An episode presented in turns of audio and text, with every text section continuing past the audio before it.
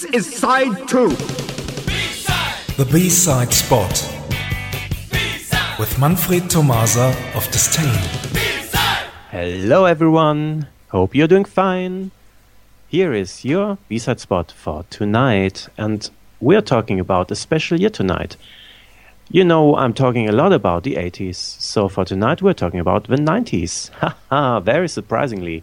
Think about 1993. It was the year Bill Clinton moved into the White House. And there was one song coming out of nothing. Oren, which song am I talking about? And what was the B side? Tick, tick, Bill tick, Clinton? tick, tick. Yeah, Bill Clinton, but he has nothing to do with the single I am talking about. Oh, oh so this is really difficult. Okay, I will help you. okay. The main musician behind this project has been a member of a very, very, very, very important German band. The most important German band that I know is Kraftwerk. You're getting closer. Mm. Mm. So, one member, let's say, of a main period of a band in the late 70s, early 80s, he left and he formed a new project. Karl Bartos. Yes. Mhm. So, think about 1993. Did Karl Bartos release anything in that year under another name? He had something Elektric Music. Right. Yes. Das erste deutsche Fernsehen. I'm der unable to ask you anything you don't know.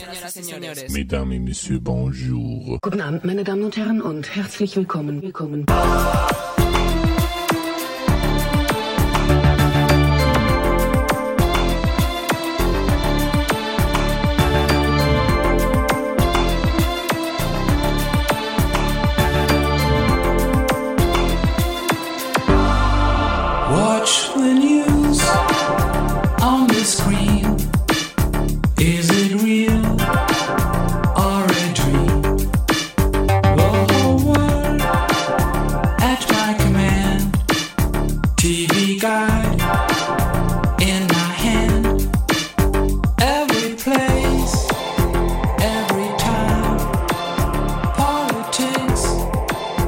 So, what is the title of the single?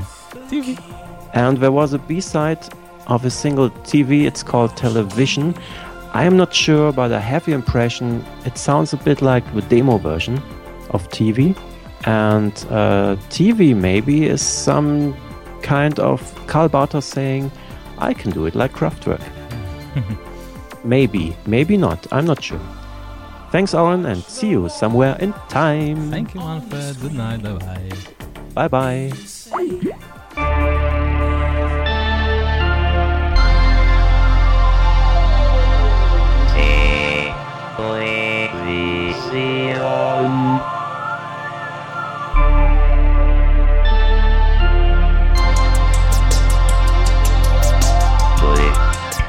In the